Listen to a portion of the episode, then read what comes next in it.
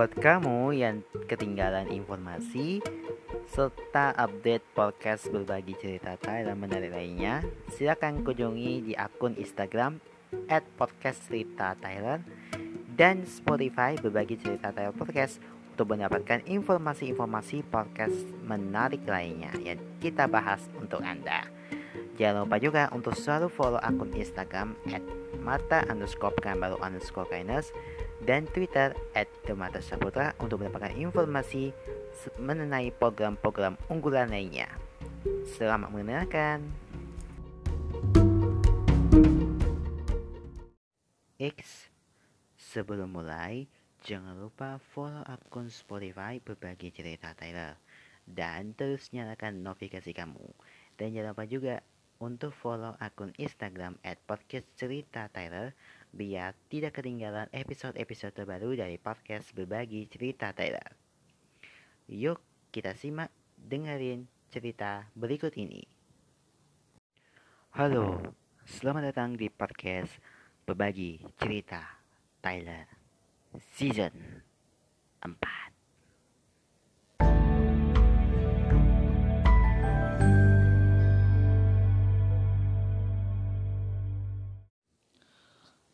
Halo teman-temanku semuanya, apa kabar yang ada di Indonesia dan di Korea? Hanyong, nama aku Malika Saputra dan Tyler King dan kita berjumpa lagi di podcast berbagi cerita Tyler Season 4 yang mengudara setiap hari Senin, Rabu, dan Jumat di Spotify. Kali ini gua akan ada beberapa fakta unik dan menarik yang akan kami bahas.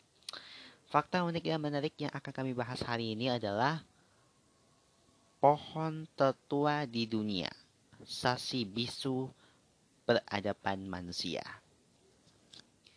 Jadi kalau kita melihat atau mendengar sisi terbaiknya dari pohon tertua di dunia, jadi pohon ini adalah merupakan salah satu organisme yang memiliki kemampuan yang kuat dalam bertahan hidup di bumi. Karena pohon punya cara hidup ya meskipun satu bagian dari pohon itu mati. Bagian lainnya masih harus berkembang dan mampu bertahan melawan parasit dan bakteri yang mematikan. Nah, sering kali ya pohon itu dianggap sebagai saksi bisu sejarah dan peradaban manusia dari zaman ke zaman, sehingga di beberapa antaranya dianggap sakral. Nah, berikut pohon-pohon yang disebut yang dilansir dari berbagai sumber. Pohon tertua di dunia yang pertama adalah Jomonsugi Yakushima Jepang. Nah, sahabat Tyler, pohon Yomosugi di Yakushima Jepang ini us usia pohon ini diperkirakan bervariasi, yaitu sekitar 2.500 hingga 7.000 tahun. Beberapa teori menyatakan usia pohon Jomon Sugi ini rata-rata berumur 5.000 tahun jika dilihat dari banyaknya lubang dan tonjoal yang terdapat pada pohon ini.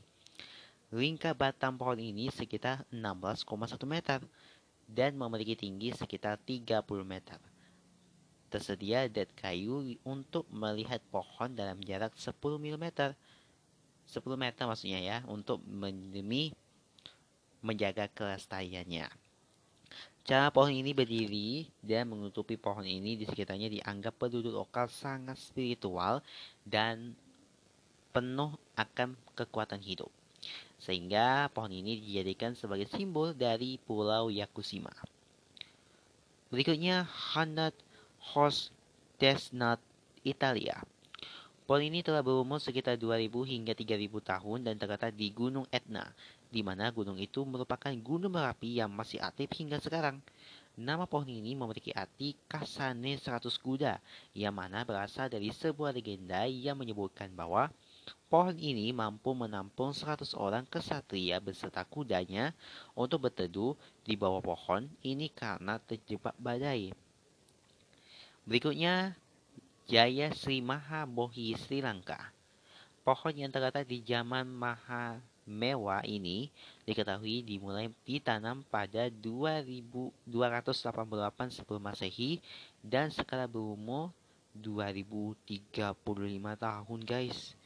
Nah, diceritakan pohon ini merupakan tempat Sang Buddha mendapatkan pencerahan.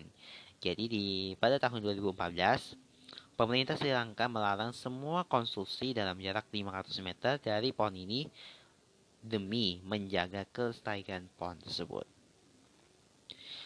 Selanjutnya, The President USA atau Amerika Serikat. Pohon yang memiliki sejarah panjang dan merupakan kebanggaan pemerintah Amerika Serikat ini telah hidup selama kurang lebih 3.200 tahun. Pohon ini berlokasi di Taman Nasional Sequoia, USA atau Amerika Serikat. Memiliki cabang-cabang yang kokoh dan batang pohon yang besar dengan ketinggian 75 meter dan lebar batang pohon 8,2 meter.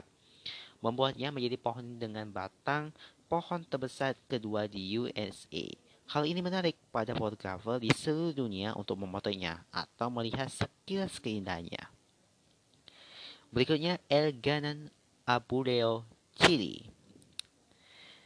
Berasal dari family Fatagoniat Clippers, pohon hijau yang berdiri tegak ini terletak di Taman Nasional Alenque Costro, Pegunungan Ades, Chili Nah, pohon ini telah tumbuh selama 3.646 tahun dan merupakan aset berharga bagi negaranya. Dinamakan Abu Leo yang artinya adalah kakek, di mana dikarenakan pohon ini merupakan yang tertua di antara kelas keluarganya. Namun pada abad ke-19, dahan pohon ini banyak ditebang sehingga tidak diketahui berapa umur maksimum dari pohon ini. Berikutnya, Safe Abakuyas Iran. Dianggap sebagai simbol sejarah dari negara Iran, pohon ini sudah ada sejak zaman perunggu dan merupakan pohon tertua di Asia. Pohon yang berusia sekitar 4.000 hingga 5.000 tahun ini memiliki tinggi 25 meter dan lebar 18 meter. Sama-sama kecil yang ada pada pohon ini membuat terlihat rindangnya dibanding pohon lain. Legenda, legenda setempat menyatakan pohon ini ditanam oleh Zoroaster pada 2000 sebelum Masehi. Meskipun hal itu belum dapat dibuktikan kebenarannya. Kemudian Leon Yo Yu New West UK. Hampir sama dengan pohon yang ada di samping, pohon yang berada di desa Langego Norwest ini telah berumur sekitar 4.000 hingga 5.000 tahun. Meskipun akar pohon ini berdiri sendiri sudah hilang dan hanya meninggalkan apa tuh cabang-cabang besar. Jadi pohon ini ditanam di pekarangan gereja yang konon gereja itu ditepati oleh roh kuno atau Angelistor. Jadi di mana roh ak ini akan menyebutkan nama-nama orang yang akan meninggal di tahun berikutnya. Serem ya guys. Berikutnya, Methulias, California, USA. Pada awalnya, pohon yang ditanam di hutan nasional Iyo ini dianggap sebagai pohon tertua. Umurnya ini sekarang ini kurang lebih 4.850 tahun. Meskipun keberadaan pohon ini tertutup untuk publik demi kelestarian, apa tuh? kelestarian dan keamanannya, namun penduduk lokal menyatakan bahwa pohon ini berasal dari figur Alkitab yang juga berumur panjang 1609 tahun. Jadi menama Metluesa yang merupakan anak dari Hencho dari dan kakek No.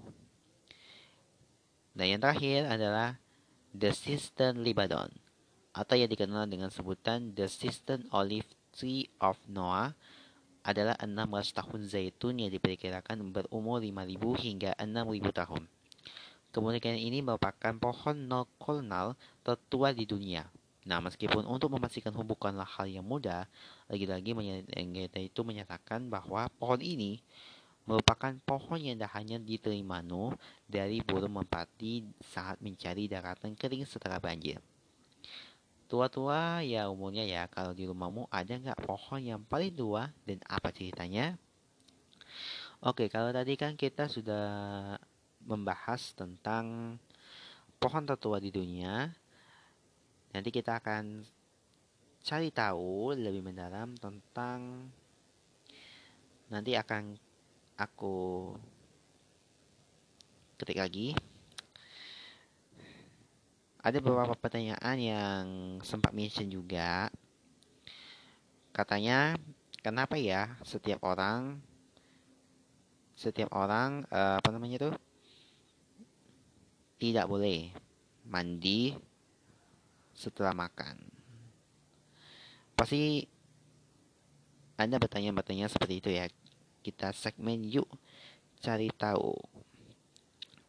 Yuk cari tahu ini adalah Kenapa sih setiap orang itu tidak boleh mandi setelah makan? Oke. Okay.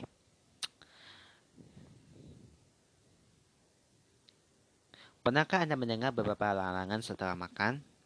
Ya, salah satunya yang paling populer mungkin adalah larangan tidur setelah makan. Nah, namun di samping itu ada pula larangan mengenai mandi setelah makan. Mungkin Anda bertanya-tanya, mengapa ya mandi set setelah makan dilarang? Apa bahayanya mandi setelah makan? Kita lihat sekilas dulu ya deh ya. Rasanya di mandi setelah makan bukanlah hal yang besar. Jadi, namun ternyata ini mandi setelah makan ini memang menyimpan bahaya. Jadi ini melansir dari NDTV Food, saat Anda mandi, tepat setelah menyantap makanan berat, akan memelambat pencernaan. Alasannya, ketika makan aliran darah dalam tubuh akan dikonsentrasikan pada bagian perut untuk proses pencernaan. Ya, jadi sedangkan mandi itu meningkatkan aliran darah pada ke tubuh. Nah, akhirnya ketika mandi setelah makan, maka aliran darah yang harusnya terkonsentrasi pada perut malah menuju ke seluruh tubuh. Nah, selain itu ada beberapa penelitian medis tentang menyebutkan bahwa mandi setelah mandi, suhu tubuhnya akan menurun. Kita mulai lagi dari merangkum dari Times of India ketika suhu tubuh mulai menurun akan membuat sistem pencernaan bekerja lebih keras untuk melalaskan suhu yang dibutuhkan untuk mencerna makanan. Akibatnya proses pencernaan akan terganggu. Biasanya sih terganggunya itu proses pencernaan ini akan ditandai dengan kram pada bagian perut. Nah, oleh karena itu, ada baiknya mandi dilakukan sebelum makan ya guys. Jika memang sudah terlanjur makan, maka kita harus memberikan jeda waktu antara makan dan mandi. Jadi, jeda waktu yang dianjurkan adalah sekitar 2 hingga 3 jam setelah makan. Hal itu karena dalam jeda waktu tersebut, biasanya sih proses pencernaan dalam perut sudah selesai. Nah, itu tadi. Kita sudah membahas tentang mandi setelah makan apakah bahaya bagi tubuh? Cumanya kita lihat sekitar ya. Cumanya memang bahaya ya. Karena yang pertama itu adalah uh, sistem pencernaannya mulai menurun. Eh sistem pencernaannya itu tak terkontrol yang kedua adalah ketika suhu tubuhnya mulai menurun jadi sistem pencernaan akan bekerja, lebih keras untuk menyelaraskan suhu yang dibutuhkan untuk mencerna makanan oke okay, yang terakhir nih akan aku bahas tentang pendidikan Korea Selatan versus Indonesia. Jadi bicara so soal sistem pendidikan. Tentu kalian setuju ya sahabat saya ya kalau Korea Selatan termasuk salah satu negara dengan sistem pendidikan terbaik di dunia. Ya, negeri Ginseng itu memang termasuk salah satu negara Asia yang berhasil menembus peringkat negara yang pendidikannya itu terbaik di dunia. Namun bagaimana dengan pendidikan di Indonesia? Pada artikel 20 Best Education System in the World yang ditulis oleh ABC Time bulan Februari lalu cukup menyejukkan kita ya guys. Karena sistem pendidikan di Indonesia disebutkan sebagai yang terburuk di dalam daftar mereka. Di dalam artikel ini dijelaskan bahwa sebuah sistem, eh, sebuah tim yang disebut dengan Patient Group selalu melakukan penilaian secara berkala terhadap sistem pendidikan di berbagai negara.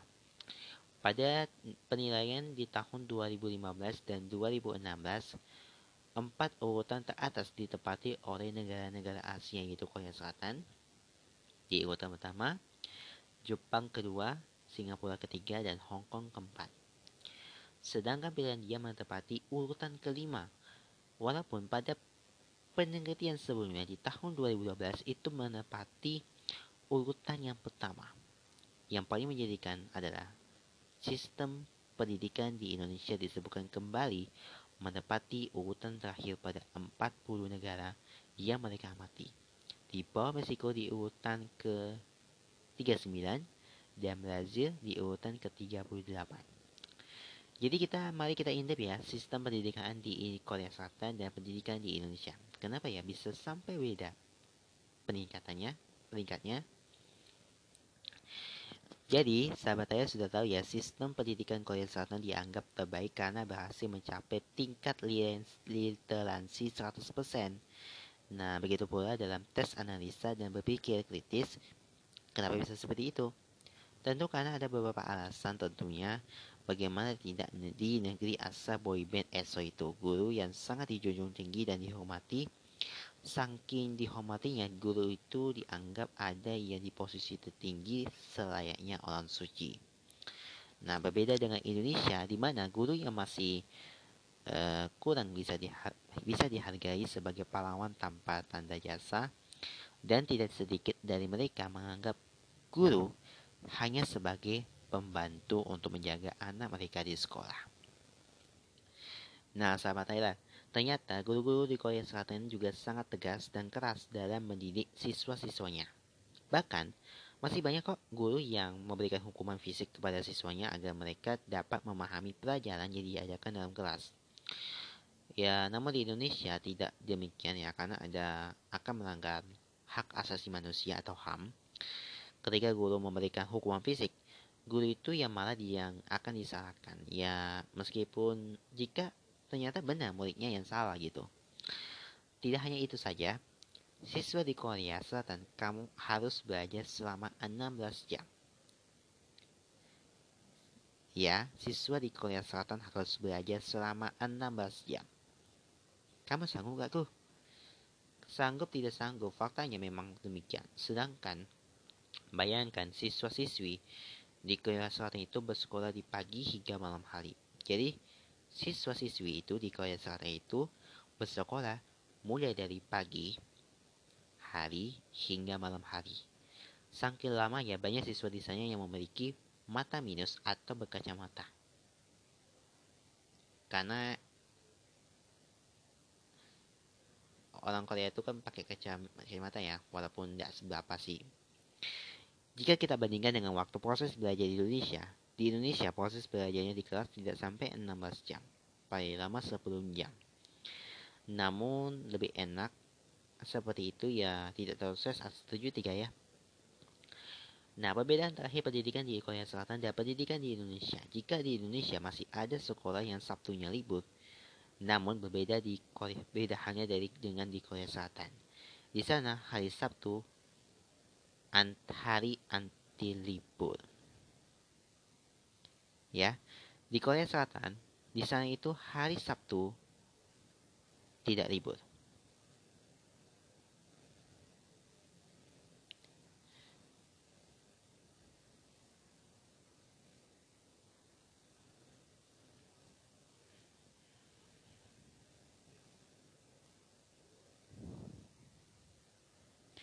Oke, kita buka dulu ya. Nah, kenapa bisa begitu? Tentunya, setiap koin logam memiliki dua sisi. Di baik kesuksesan ini ada pula hal-hal negatif yang mungkin tidak kita setujui. Oke, saya lanjutkan. Tadi ada saya kepanasannya, saya mau kipas angin dulu biar adem. Oke, jadi sahabat Tyler di Korea Selatan itu siswa mengalami banyak tekanan dalam belajar. Nah, mereka belajar itu sepanjang tahun tanpa ada liburan panjang. Nah, selain itu, budaya itu mereka membuat tekanan datang dari siswa lainnya. Nah, budaya ini berprestasi menonjol bahkan terlihat sejak pendidikan usia dini. Sisi positifnya, mereka berprinsip bahwa bakatlah tidaklah penting. Budaya mereka menentangkan bahwa Asalkan siswa bekerja keras dan rajin, mereka akan menjadi pandai dan tidak ada alasan untuk gagal. Bagaimana setelah melihat perbedaan sistem pendidikan di Korea Selatan tadi? Menarik ya. Di Indonesia sebenarnya sih bahwa bisa menerapkan pola pendidikan di Korea Selatan ya, namun harus memperhatikan nilai-nilai norma yang sudah berlaku di Indonesia serta pengembangan metode pembelajaran yang menyenangkan sehingga jika jam pelajaran di sekolah itu ditambah murid tidak jenuh dan stres. Oke, sudah dulu ya ulasannya. Semoga ke depannya Indonesia bisa dapat menyusul negara-negara yang sistem pendidikannya sudah maju seperti Korea Selatan. Amin. Oke, itu tadi ada tiga ya yang kita kami bahas. Ada pohon-pohon tertua di dunia, Terus juga kita sudah mendengarkan yuk cari tahu kenapa uh, setiap orang itu tidak boleh mandi setelah makan. Kita sudah membahasnya. Dan yang terakhir nih, beda sistem pendidikan Korea Selatan dan Indonesia. Semoga tips dan informasi yang kita sampaikan ini cukup bermanfaat dan bisa menginspirasi buat kamu semua. Dan jangan lupa sebelum tutup kita mengingatkan lagi jangan lupa untuk follow Spotify dan nyalakan notifikasi kamu biar kamu tidak ketinggalan episode-episodenya. Terus jangan lupa ikuti akun media sosialnya di Twitter dan Instagram. Di Twitter kita at podcast underscore Tyler dan Instagramnya podcast cerita Tyler ya. Dan jangan lupa tag aku juga ya di Twitter Mata Syaputra dan Instagramnya mata underscore pekanbaru underscore kindness untuk mendapatkan informasi serta pengetahuan dari inspiratif lainnya. Oke, sekian dulu ya episode-episode kali ini dan sampai jumpa lagi di episode-episode podcast berikutnya. Sampai jumpa, Kasamina. Terima kasih. Sampai jumpa. Assalamualaikum warahmatullahi wabarakatuh sahabat semuanya Kita ketemu lagi di podcast berbagi cerita Tyler season keempat Bersama aku Malaikat Saputra dan Dan saya Tyler King Dan kami berdua masih di rumah aja Dan tetap menerapkan protokol kesehatan dengan ketat Ya semua kita semua yang ada di sini dan juga teman-teman di sana semoga kami harapkan dalam keadaan sehat selalu dan tetap menjalani aktivitas sehari-hari. Oke, hari ini tapi kita sebelum mulai kita yang belum follow cepatan follow di Spotify dan jangan lupa untuk dengerin terus karena ada masih banyak lagi cerita-cerita pengalaman menarik yang akan kami bahas untuk Anda. Dan jangan lupa juga follow aku di Instagram kita at podcast cerita Tyler dan Instagram aku at mata underscore pekanbaru underscore kindness gitu oke? Okay? kali ini di season 4 aku akan ngomongin tentang uh, kesulitan dalam berinteraksi sosial. Nah sahabat Tyler gue itu sangat amat pemalu tertutup dan kesusahan dalam bersosialisasi. Kita mau kembali ke zaman SD SD sampai SMP dulu gue punya pengalaman dipermalukan di depan umum, dipetawakan, dipandang remeh, dan lain-lain. Akibatnya, sekarang gue jadi pribadi yang gak pede, insecure, dan menutup diri. Gara-gara trauma masa lalu juga, karena cara gue bersosialisasi pun berubah. Dulu, mungkin SD atau SMP gue inget tuh walaupun gue belum diem, memang rasanya itu gue introvert. Tapi gue masih bisa main bersama dengan lain dan masih gue bisa ngomong. I mean gue juga bisa mengutarakan pendapat gue secara bebas ke orang-orang tanpa rasa takut. Tapi sekarang nope gue gak pernah mengutarakan pendapat gue ke orang atau lingkungan baru. Gue diam aja. Gue baru berani terbuka kalau ke orang atau lingkungan yang udah dekat. Gue takut kalau gue berbicara gue bakal mempermalukan diri gue dan gue bakal dipertawakan atau dianggap remeh. Gue takut orang berpikiran aneh tentang gue, maka gue menarik diri dari lingkungan dan gue menghindari interaksi sosial. Gue juga menghindari yang namanya ngomong di depan umum, kayak presentasi lah atau semacamnya kan. Gue bahkan cemas, deg-degan, ketakutan, terus ada perasaan ingin menghilang tiba-tiba dari dunia ini, maka gue jarang banget ikut acara-acara semacam lomba, UKM, kegiatan sosial, dan lain-lain. Dengan adanya pandemi ini kan sifat menutup gue semakin parah. Tambah parahnya karena kampus gue memperlakukan kuliah online sampai 4 semester. Jadi gue kuliah online itu pas semester 1 dan semester 2 awal. Di semester 1 gue gak ikut UKM apa pun. Yang gue lakukan hanya kuliah pulang, kuliah pulang. Kebanyakan hal yang gue lakukan pada saat itu men main HP doang bahkan sampai sekarang. Dan di semester 3 gue baru sadar gue harus berubah. Gue harus ketemu orang ngobrol dan lain-lain.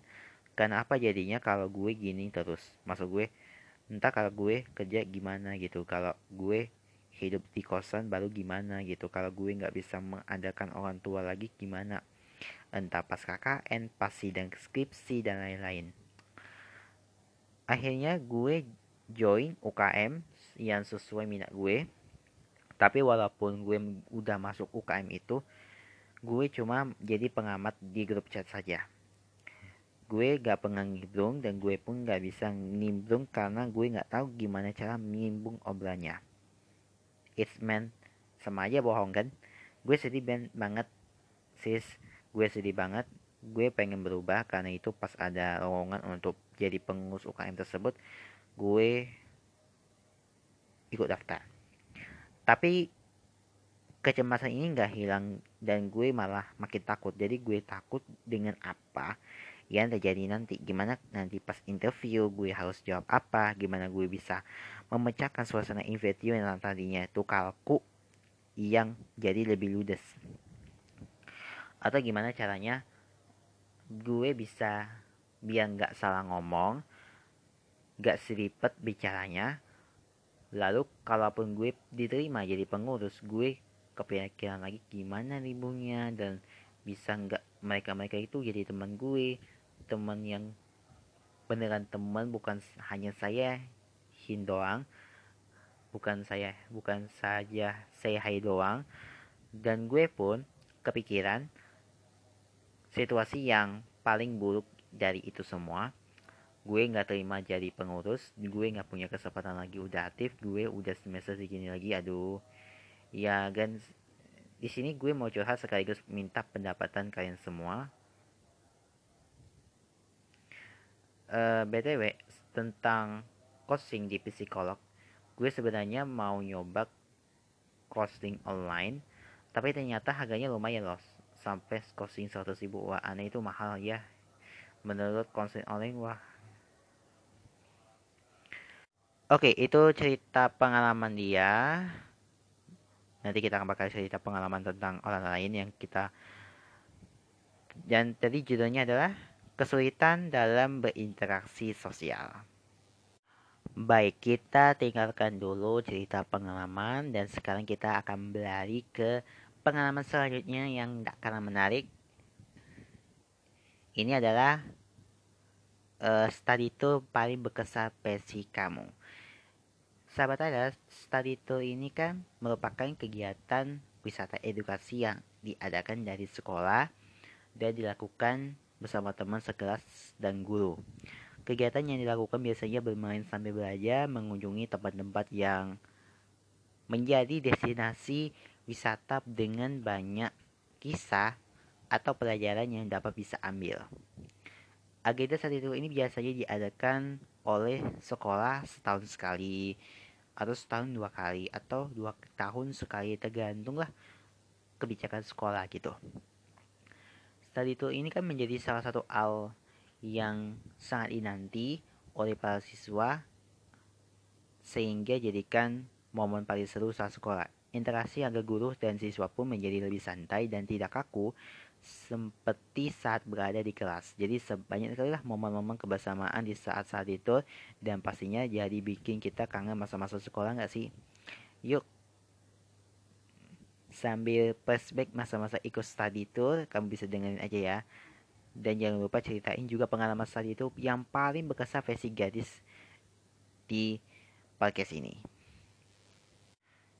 Kita akan berlari ke cerita pengalaman berikutnya yakni tentang apa kalian pernah melakukan lima hal ini waktu sewaktu sekolah. Jadi masa sekolah memang sangat indah ya, banyak hal yang dilakukan dalam hal sengaja ataupun tidak sengaja. Tinggal aku yang kita buat-buatin pengampilan kita yang mengikuti tren perkembangan zaman dan masih banyak lagi. Tapi apakah kalian pernah melakukan hal ini suatu sekolah? Apakah kalian ingat hal apa saja yang pernah kalian lakukan di masa sekolah? Masa sekolah kan memang sangat hal indah ya. Banyak hal-hal yang dilakukan dalam hal sengaja ataupun tidak sengaja. Tingkah laku yang kita buat-buat pengampilan yang mengikuti tren dan masih banyak lagi. Dan ini ada beberapa hal yang pernah dilakukan di masa sekolah. Yang pertama, mengupil lalu menempelkan di bawah meja. Itu paling jijik itu. Tindakan orang yang seperti ini tentunya sahabat pernah dong yang melakukannya ya. Yang paling tidak melihat teman sendiri deh yang melakukan ini. Tentunya sangatlah jorok bukan? Tapi siapa saja, siapa sangka hal ini akan teringat-teringat jika kita sudah lulus nanti. Lalu kita akan menceritakan kepada teman kita saat nanti. Pasti menjadi pembahasan yang sangat hangat serta penuh dengan tawa. Tidur di atas meja. Siapa sih yang nggak pernah melakukan hal ini di sekolah selain anak yang alim dan kalem benar?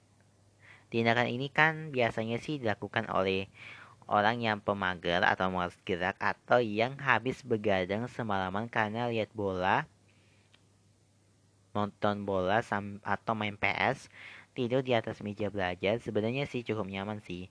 Tapi gimana ya tidak nyaman orang di kelas yang paling cocok tidur ditudurin adalah meja. Waduh.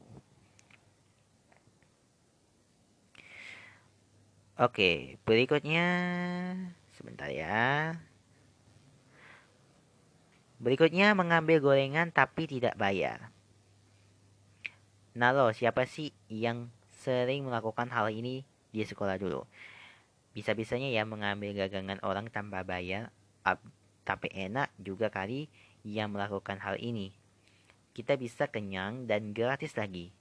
Tapi biasanya sih tindakan ini dilakukan ketika di tempat yang berjualan sedang rame-ramenya. Jadi ada kemungkinan benar besar, besar siswa melakukan hal ini. Siapa aku ya? Hmm. Mengunci teman di dalam toilet. Yang ini ini sih sudah keterlaluan ya kalau memang adanya yang melakukan, tapi siapa yang tahu kalau memang waktu zaman sekolah kita pernah melakukan ini ke teman kita sendiri. Ya tentunya hal ini hanya bercanda ya saya ya kan. Coba kalau beneran dikunci di toilet terus kita tinggalin. Yang ada teman kita nangis atau hal yang parah akan melakukan melaporkannya kepada sekolah. Tuh siapa yang melakukan ini jujur. Yang terakhir adalah bolos sekolah lewat dinding sekolah. Yang terakhir nih sih pastinya agan pernah melakukannya ya, hayo nyaku. Jangan sok kunci. Tindakan bolos ini siswa sekolah rata-rata pernah melakukannya. Apalagi kalau kita tahu hari itu akan belajar matematika. Aduh, itu sih udah pasti bolos kan. Daripada pusing mikir-mikir soal matematika, mending ke warung beli kopi sambil merokok. Iya kan? Kalau menurut sahabat saya yang dibuat oleh Agan ada lima hal yang biasa pernah dilakukan waktu sekolah? Kalau kamu waktu zaman SMA apa aja sih? Ke cerita lainnya lagi. Oke, bisnis live menjadi salah satu peluang usaha yang menguntungkan seiring kecanggihan teknologi. Nah, tansi online tak hanya memudahkan para pengusaha dapat online untuk mencari penumpang, tetapi juga memudahkan orang untuk mencari alat transportasi dengan cepat di saat waktu yang dibutuhkan. dalam proses interaksi antara driver online dan pelanggan, kadang ada sih sejumlah percakapan kocak yang terjaring di antara keduanya. Kita akan membahas chat driver online dengan penumpang ini dijamin bikin agak nakal. Kita mulai dari percakapan pertama dulu ya. Kita nggak sebutin namanya ya. Saya udah nyampe. Aduh, pajak saya minta main kuda-kudaan dulu nanti ke saya ke bawah lobby paling 15 menitan kalau mas gak mau ba nunggu batalin aja. Berikutnya, oke okay, pak, wait pak, saya Wira bukan White. Aduh. Ditunggu ya. Saya sudah sampai di mana ya? Polisi di mana, Patrick? Mas Sevel aja yang sebang verifikat tahu. Oke, spot-spot muncul. Mbak yang pesan Gojek ke Amikom ya? Iya Pak, berulang ya. Sebentar ya Mbak, saya lagi berak. Waduh. Malam Mbak, boleh tahu tujuannya Mbak? Cisayup Pak. Hmm, jauh juga ya. Saya khawatir kemalaman sepi sewa pulang, Mbak. Saya takut agak begal, Mbak. Kalau kemalaman pulangnya jangan khawatir, Pak. Ingat di rumah saya saja. Kebetulan lagi saya kesendirian, orang tua saya lagi di Bandung. Siang, Mas. Saya dari aplikasi. Iya, siang juga, Mas. Mas posisinya di mana ya? Saya sudah di depan halte, Mas. Masnya pakai baju apa ya? Saya pakai baju persib, Mas. Wah, gua sampai ye maaf mas saya cancel aja ya di situ tunggu situ gue jangan mulu banyak sih kelakuan-kelakuan yang akhirnya bisnis online jadi paling nakak ya Sahabat saya yang suka pedas, mari merapat dulu. Kita akan bahas-bahas nih makanan jajanan pedas yang kian hits. Nomor berapa favorit kamu? Nah, jajanan di Indonesia banyak yang terinspirasi atau diadaptasi dari kuliner luar, seperti bakso, aneka olahan mie, dan minuman lainnya. Dan di negara kita sekarang ini makin banyak jajanan pedas kekinian yang menjadi favorit para penggemarnya. Kalau kamu, jajanan pedas favorit kamu apa sih? Kita mulai yang pertama dulu adalah cekap pedas. Jadi cekap pedas ini yang sensasinya rasanya super hot, pokoknya sih sambil makan aja agar Sista bisa mandi keringat. Tapi jangan salah ya, nikmatinya level dewa nih, awas aja bibirnya jotor. Yang berikutnya adalah bacil. Jadi kuliner jajanan yang kiss ini singkatan dari bakso cilok. Jika biasanya cilok alias aci dicolok, dinikmati dengan bumbu kacang atau saus, namun sensasi berbeda bisa rasakan jika menikmati bancil. Cilok mercon. Kalau sudah yang judulnya itu mercon pastilah ya pedasnya level dewa. Cilok bumbu pedas super nampol ini memang enak. Bisa bikin melek langsung nih guys. Yang berikutnya bakso beranak mercon. Jadi sensasi pas dibuka bakso besar, besar di dalamnya itu ada akan ada bakso-bakso kecil dengan kuah pedas merah yang siap membajakan lidahmu. Berikutnya sebab hot gelato. Sebat yang pada dasarnya itu jajanan pedas dan segar ini makin nampak pedasnya jika sudah dinamai level hot gelato. Yang telah berikutnya pentol mecol. Jadi pentol adalah jajanan jalanan yang mirip bakso, hanya lebih sedikit dagingnya dan lebih kenyang karena lebih banyak kandungan tepung kanji. Bakso aci kuah pedas. Bakso aci berbahan cilok aneka suki dan cuaki ditambah taburan sukro ada pula ya yang namanya tulang menambahkan tulang sapi cita rasa pedasnya bercampur segar kencur. Itu tadi jajanan his kekinian yang rasanya pedas. Kalau kamu nomor berapa ini yang kamu mau? Oke, kita akan bahas flashback lagi ke SD atau SMP dulu. Jadi masa aku SD tahun 80-an, aku kan punya banyak ya jajanan favorit menurutku jam jajanan zaman dulu itu enak-enak semua nggak ada yang nggak enak yuk kita nostalgia zaman 80-an kita masih ke judul snack jadul ini masih ada yang dijual nggak ya kita mulai yang pertama ada biskuit gula warna-warni. Berikutnya permen gulali cetak. Selanjutnya muncul ya, bentar.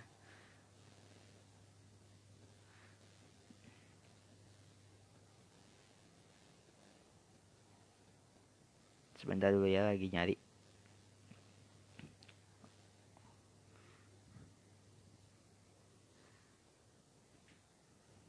Manisan buah.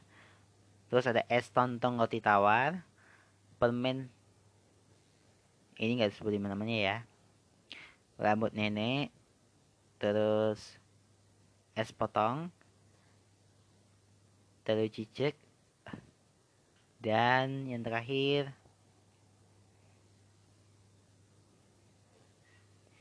yang terakhir nih. Yang terakhir yang terakhir yang terakhir. Oke itu tadi snack jadul ya. Jadi nggak seperti namanya. Oke sahabat Tyler kita akan bahas hal-hal fakta yang unik ya guys. Jadi sahabat Tyler tentu ya paham jika sudah bukan sebuah rahasia lagi jika mampir di setiap negara banyak masyarakatnya yang abai dengan protokol kesehatan di tengah masa pandemi akibat COVID-19. Termasuk juga di negara India ya, di mana kita tahu jika beberapa waktu lalu di sana India mengalami krisis yang sangat buruk. Ketika banyak masyarakatnya yang harus terpapar virus dan membuat keadaan ditetapkan menjadi darurat. Nah, sebuah kantor kepolisian di Candikan India menemukan cara unik untuk mempanjang lengan para penegak hukum yaitu dengan menggunakan penjepit raksasa. Aduh, apa jadinya kalau hal begini dilakukan di Indonesia ya kan? Gak cuma tempe dan doang yang go internasional ya. Sahabat Tyler, pernah nggak kalian ngemui makanan yang umumnya tapi mendadak nggak umum cuma karena diganti namanya pakai bahasa Inggris. Harganya kalian pasti udah bisa nebak ya. Pisang goreng pakai saus karamel pun berubah jadi badaran fresh badannya with caramel sauce seperti ini. Coba kalian sekalian share penemuan kalian yang tentang makanan Indo yang go internasional. Oke, kita berakhir sampai di sini di podcast berbagi cerita Thailand hari ini. Dan jangan lupa setelah ini masih ada episode-episode menarik yang akan kami bahas. Tentunya tetap bersama kami di podcast berbagi cerita Taira.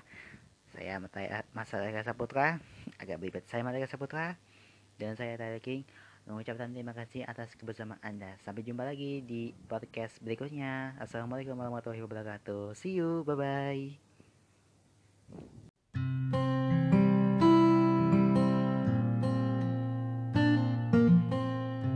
Berbagi cerita Tyler hanya di Spotify.